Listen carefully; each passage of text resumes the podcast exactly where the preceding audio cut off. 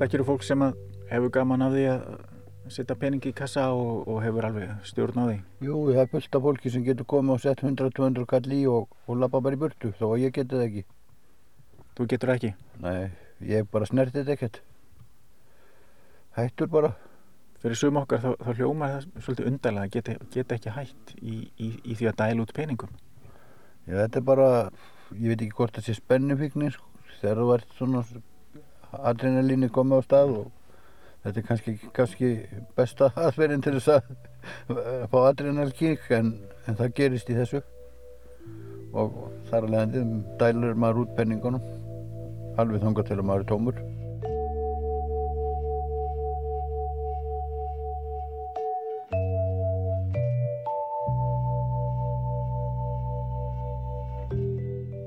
Ég heiti Sigurmar Gíslason og er sjómaður á Ísafjörði.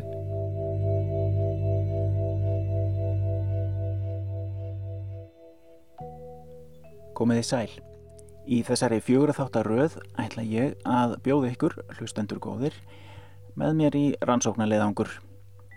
Viðfangsefnið eru peningaspill sem stunduð eru hér á Íslandi. Spilin, kostir þeirra og gallar, ágóðin sem rennur til góðra málefna annars vegar og spila fíknin sem verður mörgum að falli í okkar samfélagi hins vegar. Ég hafði tækifæri til að hitta fólk sem tengist þessum heimi á einn eða annan hátt, spjalla við það og fá fram þeirra sjónamið. Spilafíknin er ákveðin vandi í þessu þjóðfélagi og eins og einn viðmælandin komst að orði, það eru tvennskonar fíklar sem þarf að sinna.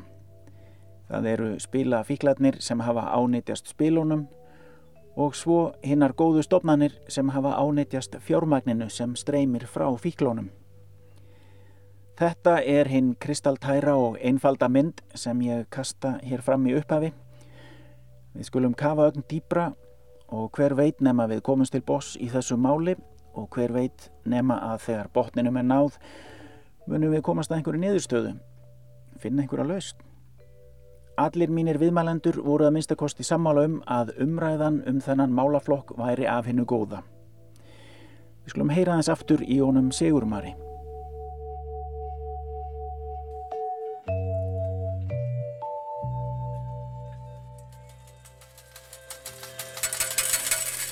Þegar þú varst svona að hefja þín að spila mennsku, þá varst á sjónum. Já. Hvað voru þetta langir túrar og hvernig var, var ekkert mál þá að, að vera frá kössunum? Alltaf verið á, á dagrúðarabátum þannig að maður, nei, ég var ekki langt frá, ég kom stíð á um kvöldi þegar ég kom í land.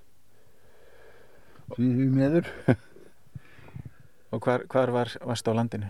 Ég var í Ólasvík mikið og bjóð þar og, og spilaði vel og grimt. Voru margir kassar þar?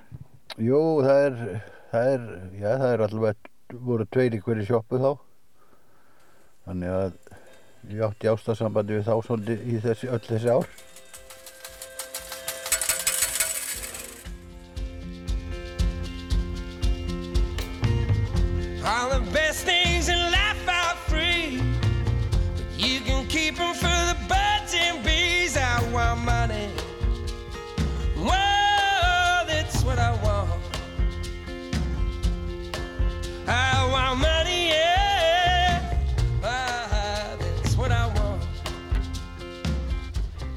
Þessu hapdrætti háskólans.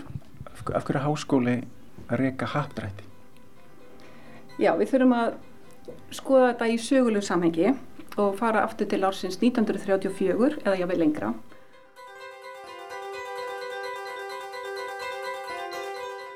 Ég heiti Bryndís Rafgjöldsdóttir og er fórstjóri Haftarætti Háskóla Íslands. Þetta er í rauninni mjög skemmtileg saga vegna þess að það var 1929 þá var Jónas frá Hriblu, dómsmálar á þeirra og hann ritaði bref til háskóla ráðs og sagði að nú var í stjórnvöld tilbúin til þess að aðstóða við að koma upp húsnæði fyrir háskólan. Frumvarpið var samt að velkjast hjá alþingi í nokkur ár þannig að það var ekki samþygt fyrir 1932 en það fylgdi því ekkert fjármagn. Og þetta er í miðri heimskreppu sem að náði til Íslands og lítil von um að það mætti sækja fyrir til Ríkisjós og þarna kemur haftarætti háskólans til sögunar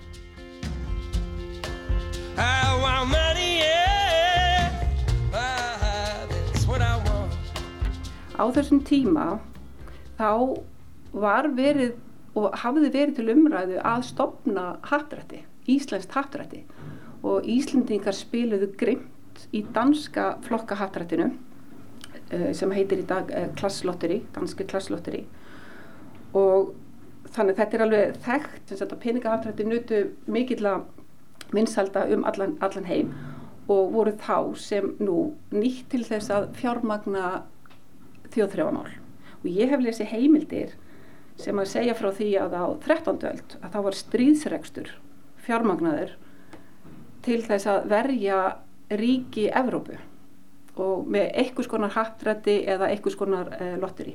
Þannig að þetta er ekkert, uh, það er ekkert nýtt undir sólinni í þessum efnum og á þessum tíma þá voru Íslendingar að spila grimt í danska flokkahattrættinu og stofnun hattrættis hafði verið þarna til umræðu í nokkur ár þegar þarna var komið til sögu og þær voru einmitt byggðar á þessu danska flokkahattrætti og það var þannig afar skinsaleg og mikið, af, þetta var mjög skinsaleg ákvörðun og mikið gæfuspor þegar alþingi samþykti loksins að heimila Íslands tappurdrætti. Með því voru þeir að færa peningin sem var að fara út úr landi aftur til Íslands og myndi nýtast á sagt, íslensku uh, samfélagi. Og fyrsti útrátturinn, hann fór fram 10. mars 1934 og aðalbyggingin var við 17. júni 1940. Og ég held að, að þetta hafi bara verið mikil þjóðarsátt um þessa aðferð að fjármagna hluta háskólans með þessum hætti og held að þetta hafi bara gengið þokkalega síðan þá.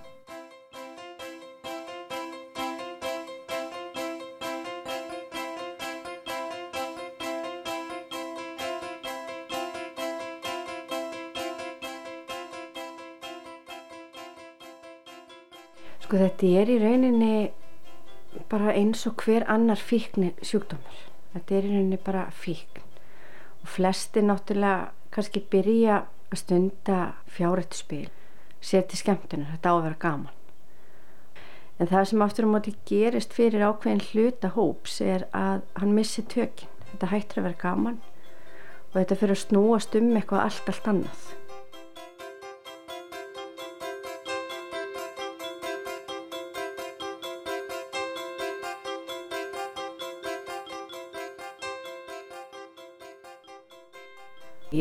Heiti Alma Björk Hafstinsdóttir og starfa sem fíkni og fjölskyldi markþjálfi með sérhæfingu í spilafíkn.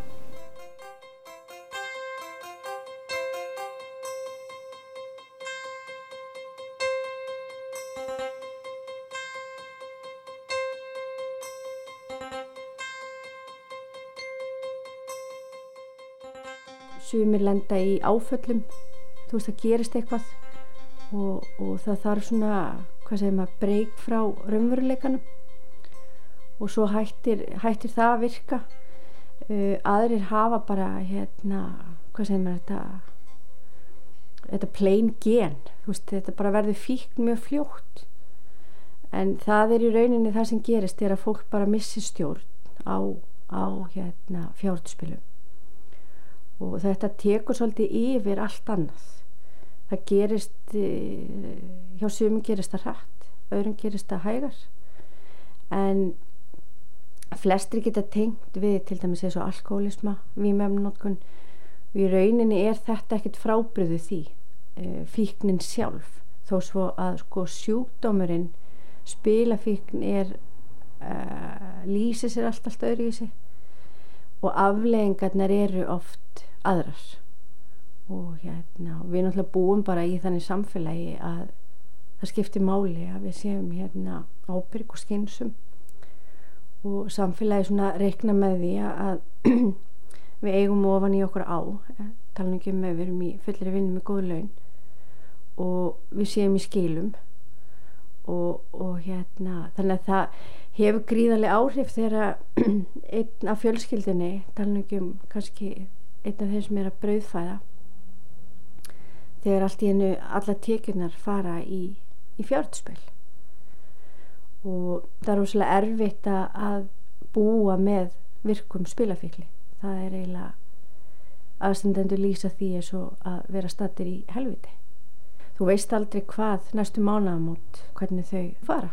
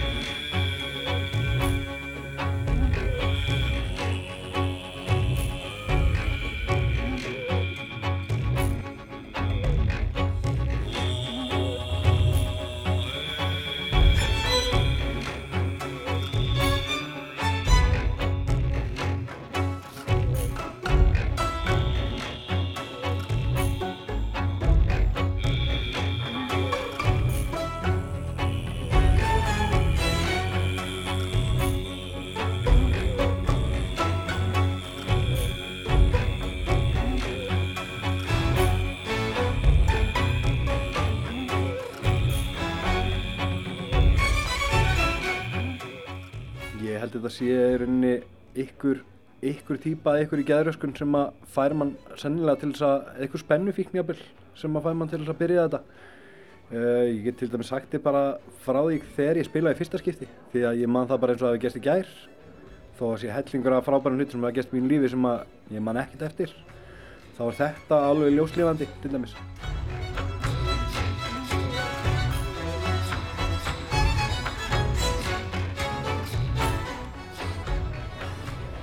Hvað má ég kalla þig og titla? Nefnum þú viljir ekki koma fram undir nafni þá verður að segja mér það núna. Ég væri alveg til í að sleppa það held ég bara. Ég held að það sé ágætt. Veldu þér þá hérna nafn til að koma fram undir. Það má ekki vera Siggi. Trösti. Trausti, þú ert spilafíkil. Já. Segir maður óvirkur eins og um, um alkoholista. Já, það má segja það. Óvirkur spilafíkil. Já.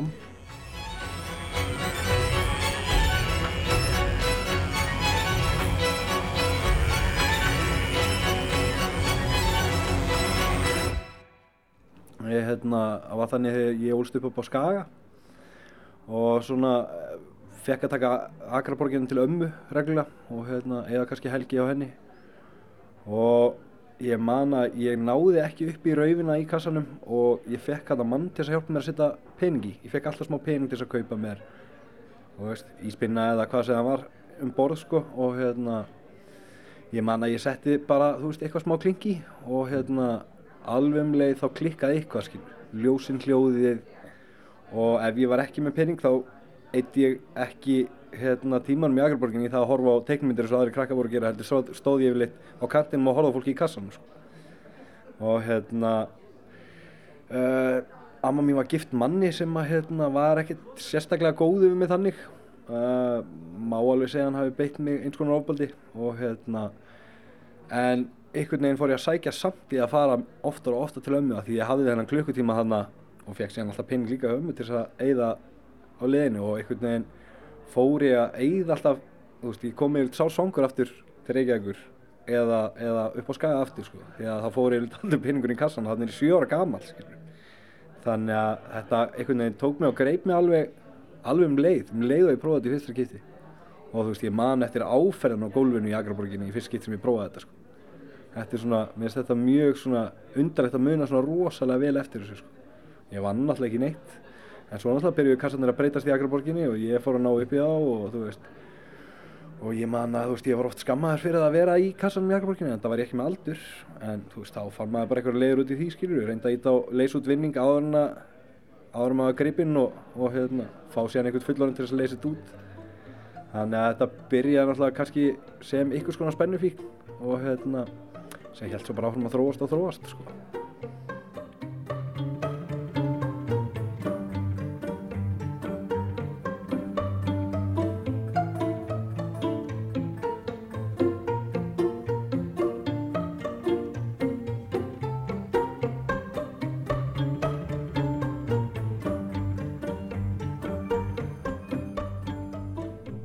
til dæmis í, í bandreikjanum þá er talað um að, að þetta er svona hérna, faldasta fíknin faldasti sjúkdómurinn það er svo auðvelt að fela þetta. Það er engin líktæðir og, og, og þú getur komið heim jáfnvel verið búin að kannski að spila fyrir eina miljón og það sést ekkert á þér. Og vissulega ganga aðstandendur á viðkomandi en það er alveg merkilegt hvað spilafíklar eru og hvað þeim tekst að fela þennan sjúkdóm. Og það er eitt af því sem að, að ég hef vorið verið við í, í minn, mínu starfi er að fólki komið svo óbúslega langt inn í fíknina. Loksins þegar að, að hérna fyrir að fletta stofuna henni. Vissulega sér fólk mun að hérna og það veit að það er eitthvað að en það er óslega erfitt að setja fingurinn á það. Þú hérna það er takmarka á hvað getur logið að maggaðinu þegar þú stendur blindfullur og þú valla stendur í lappinnar og ert að æla hérna ofan í töskunni á koninni að hérna þá er svona hæpið og getur sannfærstan um og sérst ekki drukkin en þú getur farið ansi langt án þess að hérna uppkomist með spilafíkn því miður. Og það er eitt af því sem að, að við höfum viljað sko tala fyrir og einmitt upplýsa almenning og, og, og það fólk sem er að kljást við henn að vanda er að þekkja enginnin fyrr. Uh, vera meðvitaður um þú veist hvað er spilafík hvernig lýsir hún sér hver eru enginn hjá einstaklingunum og hvernig er þetta bregðast við. Og hérna undir eðlum kringustæðum þá er það bara eðlilegt að fólk tali saman um, um heimilisbókaldið og heimilisfjármálin og hérna og það á engin að vera feimin við það að ganga eftir því ef að, ef að stóran hluta vantar inn í bókaldið en á sama skapi þú veist að þá höfum við þessa tilhengu til að treysta. Og hérna útskýringarnar geta orðið ansi skröldlegar en hérna en þetta er einmitt eitt af því með því að opna umræðina upp, opna á upplýsingar og fræðslu þá getum við grepið fyrir inni og hjálpa kannski fólki miklu miklu fyrir í ferlinu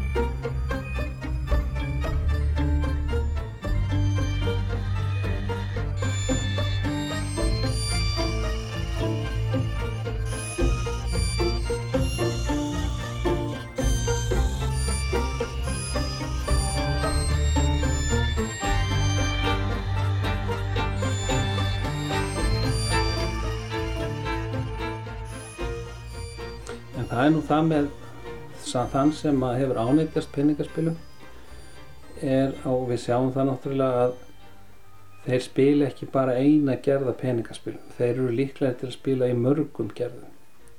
Hins vegar er líka líklegt að það sé einhver einn tiltekkin gerð sem þeir spila miklu meira en þeir grípa hitt með. Og til dæmis bara að sem gefa sem dæmi að, að þegar ég skoða þetta 2017 sem er svona síðasta stóra rannsóknir sem ég gerði að ég, sko- þegar ég skoðaði fjölda peningaspila sem að fólk er að spila og skoða það eftir hópum, það er að segja þeir sem að spila án vanda þeir sem eiga í einhverjum vanda og eru svona konur í einhverjum vandraði og svo þeir sem eiga í miklu vanda og teljast vera eh, já, spila viklar eða eiga við spila vanda að stríða að þá sjáum við að meðaltalið fyrir Íslanding, fullorinn Íslanding er að hann tekur þátt í að tveimur peningaspilum á ári. Þeir sem í einhverjum vanda eru konur í þrjú til fjögur og þeir sem eru í miklu vanda eru fann að spila fimm eða fleiri peningaspil. Það er sem að yfir eitt ár.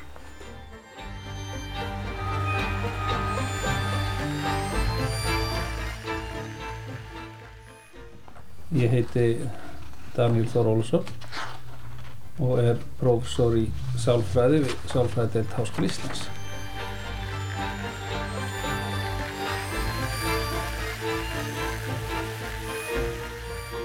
Sko það er kannski allt í lagi að, að við skilgreinum hvað peningaspil er. Peningaspil í rauninni skilgreinst þannig að, að það er uh, spil eða leikur þar sem þú leggur fjö að veði og niðurstaðan er ávallt að hluta eða öllu leiti hátt tilviljun. Og þegar við veltum því þá fyrir okkur hvað er þá peningaspil að þá er það öll þessi spil sem við þekkjum. Það eru spilakassar og það er rúletta og það sem við finnur í spilavítum. Það eru íþróttaketrunir, það er mánadalegt aftrætti og það er lottó og það eru skammiðar. Allt, allt er þetta leikir sem falla undir þessa skilkenningu og það er nú ástæðan fyrir því að ég kaus að nota orðið peningaspil í staðan fyrir fjárhættuspil. Var það að þegar ég segi fjárhættuspil við fólk að þá hefur það ákveðna merkingu. Það verið styrir að þegar ég segi fjárhættuspil þá hugsa fólk spilakassar eða póker eða eitthvað slíkt svona finnir við spilavítum en hugsa ekki í lotto eða skammiðar það eru líka fjárhættuspil. Þannig að ég notaði það ákveða að nota svona hlutlist orð og nota orðið peningaspil. Þannig var það nú til 2003.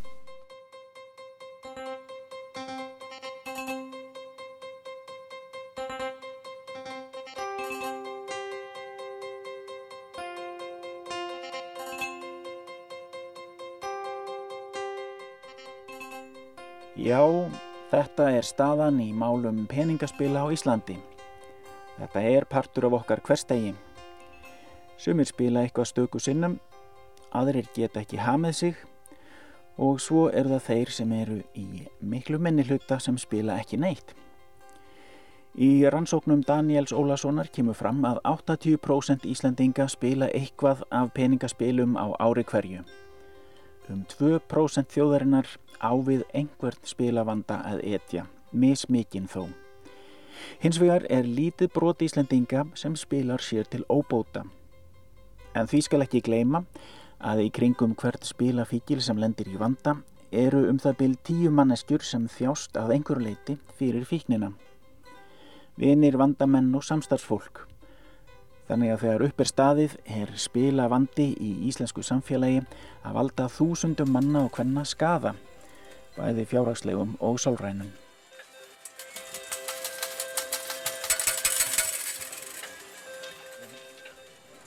Herðu, ef við snúum okkur þá að fíkninni, Mm -hmm. þú vantarlega fóst í, í einhvers konar meðferð. Já. Varstu djúpt sokkinn þá? Uh, sko, það má alveg segja að þetta hafi alltaf undi alltaf meira og meira upp á sig. Mér fannst ég, botnin er meðst djúpur hjá fólki. Mér fannst ég einstaklega illa stattur í fyrsta skipt sem ég leita mig hjálpar við þessu. Þú veist, þá í rauninni var ég einhvern veginn hættur að sjá tilgangin til að lifa. Og hérna, veist, ég hef nú prófað ímislegt gegnum tíðina en ekkert hefur náð mér jafn neðarlega eins og, eins og vond spilabind.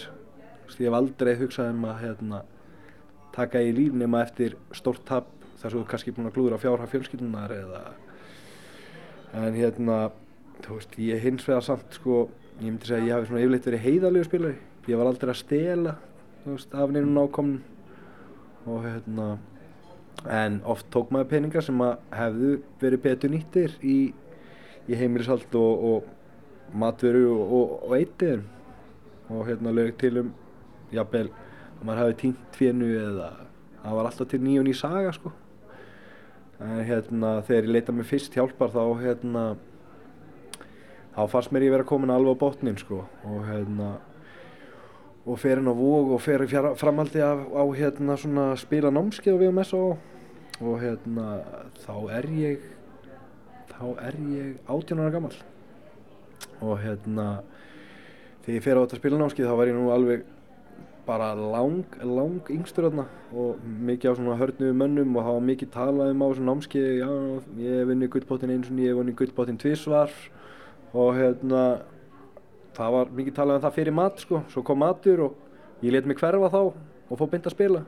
Ef ég hef mætt eftir hátegi og hef sérlega hugsað, þú veist, heyrt restina af sögunni að, alveg saman þótt þeir unnið þetta þá er bara svo ekki dýbra og dýbra og það hefur svolítið verið reynsla mín að, því meira sem ég vinn, því meira tapa ég ég það er stærstu fjárhæðina sem ég hef unnið. Ég veit að ég farið miklu dýbra eftir það heldur en bara á ykkur svona léttu róli sko. Þannig að hérna, já, ég hef nú kannski að mæta mæta eftir matana og heyra, heyra restina því sem þessir hörnuði menn voru að segja en, en maður var bara óhörnaður úlingur og hérna það var svo sem ekkert að kenna minni þannig sko. En veist, þetta var í rauninni ekkert neitt bot, bot þannilega sko. Veist, ég hef fundið innan svo kallega bot að 10-15 sinnum. Og hérna svo veit ég ekki alveg hvað var til þess að ég náði almenlega að hérna segja skili við þetta. Það er einhvern veginn sem svo eitthvað hefur verið tekið frá mér. Eitthvað, þú veist, öll þessi þráhyggja við það að fara inn á þessa staði að hérna, ég upplifa hann ekki. Þú veist, ég er ekki lengur þegar ég keiri hérna í laugu en þá þarf ég ekki að líta á skiltið á Monaco hvað potturinn er í núna og hvaða bastarur sé að fara að taka pottin og á hvaða bar hann falli í kvöld. En hérna ég var mjög virkur inn í, inn í starfi GIA lengi og fór mér mikið að fundum á stopnarnir og hérna þrátt fyrir það að ég sé nú ekki búinn að stunda það prógram núna í sé ekki komin 8-9 mánuðir þá einhvern veginn finn ég ekki þessa þörf fyrir þetta lengur en svo eins og maður hefur sitið marga GIA fundið að þá er djúvillan alltaf stutt frá á aukslinni þannig að maður þarf bara að vera svolítið vakandi held ég og, og ég get ekki sagt það fyrir full víst að ég mun aldrei spila aftur. Veist, ég veit það ekki. En vonandi, vonandi ekki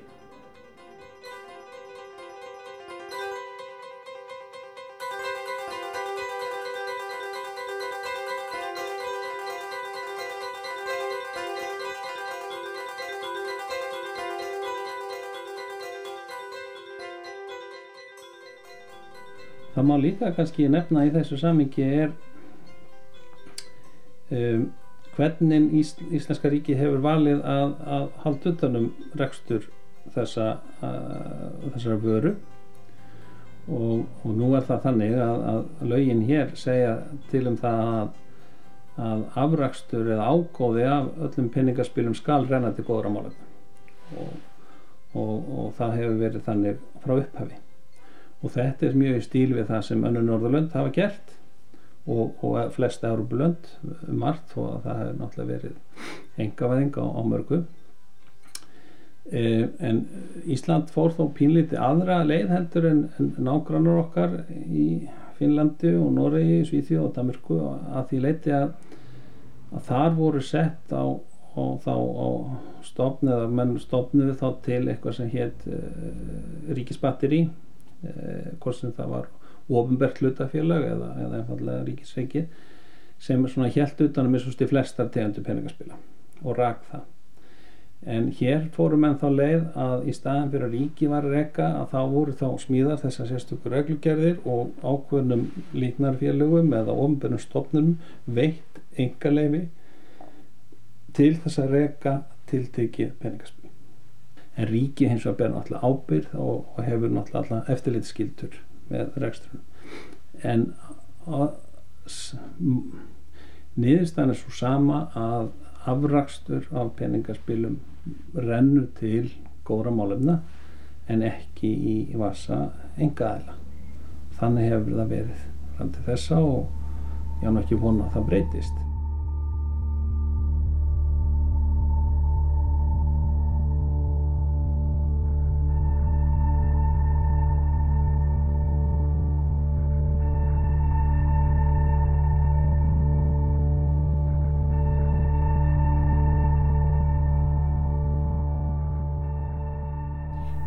aftur á móti eins og með spilakassana að uh, bara úr mínu starfi að þá virðast flestir eiga það sameigilegt að þeir byrjuðu í spilakassum. Það er svona þeirra fyrsta reynsla af fjárhættuspili og hérna og síðan kýtlar það eitthvað, þú veist það kveikir á einhverjum áhuga og menn fara svona að fikra sig áfram. Þetta er leikur að eldi. Við vitum það bara að tveir til fjóri, jápur fleiri verða háðir. Og þetta hættir að skipta uh, leikurinn hættir að skipta máli veðmáli fyrir að skipta meira máli fyrir að taka meiri tíma og, og hérna og menn fara að hækka það sem að, að þeir leggja undir til að fá meira kikk. Þannig að ég held með því að hefta aðgengið að spila og, og gera það svona skilvirkara fylgja betur eftir bæði fjárhæða takmörkunum og aldurstakmörkunum að það muni vissulega skila sér inn í, inn í hérna, spilun og netinu alveg klárlega. Það er miklu auðveldara fyrir þú veist 14 ára gammal batna lappin sjóppu og við erum nú bara með hérna á á sofaveginum. Þar er söluturn. Og krakkarnir til dæmis sem eru í, ég held að þetta er ekki réttarhaldsskóli að þau eru að fara þarna í hádeginu, fá sér hádegismat og, og þau eru með í rauninni bara spilaviti beint fyrir fram á seg og það getur bara ekki verið af hennu góða. Þú veist, við hljótum bara sem samfélag að sko vilja ábyrgari rekstur á þessu. Ég er alls ekki að tala fyrir þú veist bara hérna engin fjárhættu spila í Íslandi. Þetta er bara hérna bara má alls ekki, alls ekki. Við þurfum við þurfum bara að vera upplýstari. Við þurfum að vera með fleiri úrreði, meiri forvarnir. Því að hérna ef að þetta tvent helst í hendur að þá getum við rekið þetta miklu miklu ábyrgari hátt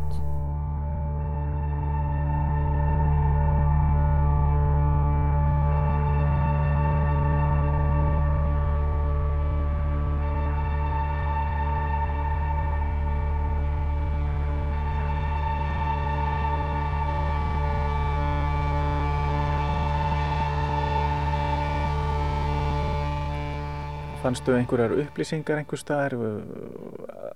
Áttaður þið á því að þetta væri þú væri kannski ekki eini maðurinn í heiminum sem væri að berast því svona? Jú, jú, en, en eins og jú maður hlustar á fólk sem er að koma og tala. Og ég er búin að gera það ekki um tíðin og fólk hefur komið og talað um að það er alltaf að loka öllu og loka þess og loka hinnu til þess að hjálpa spilafíklinum og fyrir mér er þetta alveg einskiluru ég fyrir út og gött og keiri hrætt það er líka bannað. Þannig að ég sé ekki lausnin á því að banna þetta. Þá frekar að reyna að hjálpa þeim sem er að glíma við vandan því að svo kemur einstaklingu sem getur sett 200 kall í og lappa í burtu sem er ekki með sama vandamála og ég. Mér finnst ósangjart gagvart þeim einstaklingum að loka þessu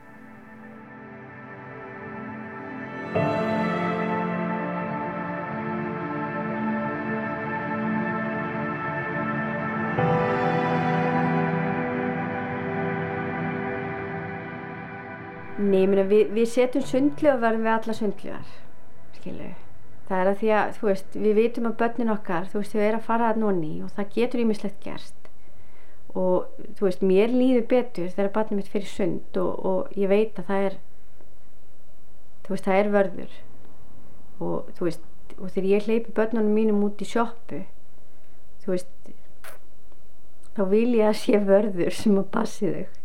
Þú veist, ég vil að umhverfið næri umhverju barnana mína sérstaklega þegar þau getur ekki einu svona tekið ákvarðinu sjálf.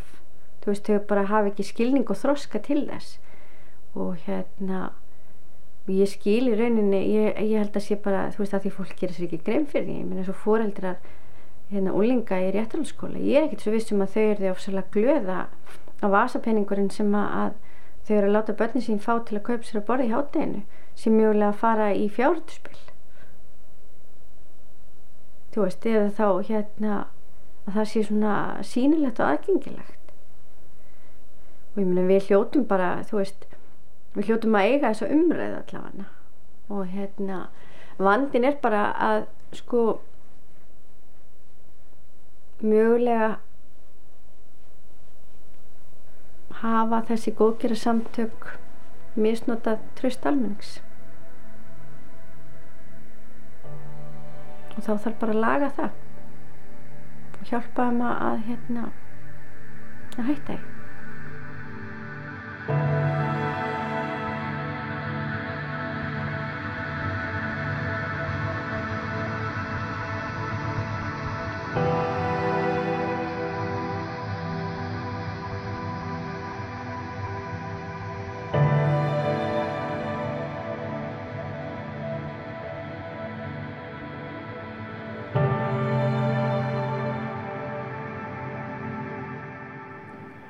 Hvað varst að eigða miklu í, í, í, hverri törn?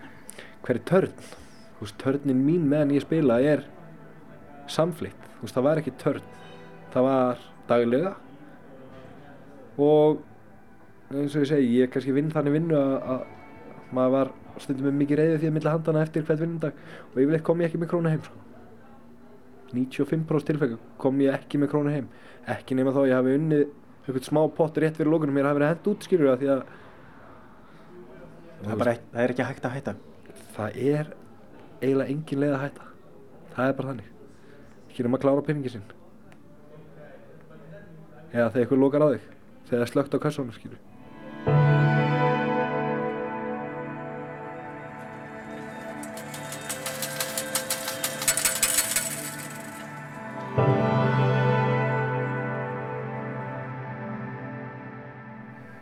sagt þetta að þetta er nákvæmlega sama og með síkaretunar. Ég er fyrirvinandi reykingamæður og er búin að vera hættu núna í eitt ár. Það var jafn erfitt að hætta að reykja eins og að hætta að spila. Þannig að þetta er bara, eins og ég segi, þetta er bara fíkn. Þetta er bara líkamlegt. Já, þetta er bara eitthvað sem að þú ávinnur þér nema að sumir missa tök á því en aðrir hafa stjórn á því og ég einn af þessum óhefnum sem að hefði ekki stjórn á þessu gorki þessu nýja reykingunum en ég hef það í dag Takk að kjærlega fyrir spjalli. að takk fyrir mig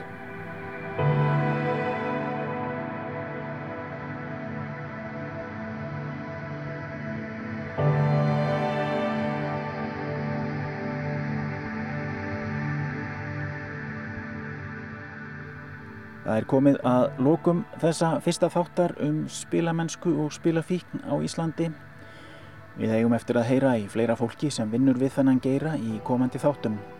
Þá sem reka hapdrætti, getraunir og spilakassana, þá sem hafa ánetjast og þá sem vinna að úrlausnum fyrir fólki í vanda. Þánga til, lifið heil.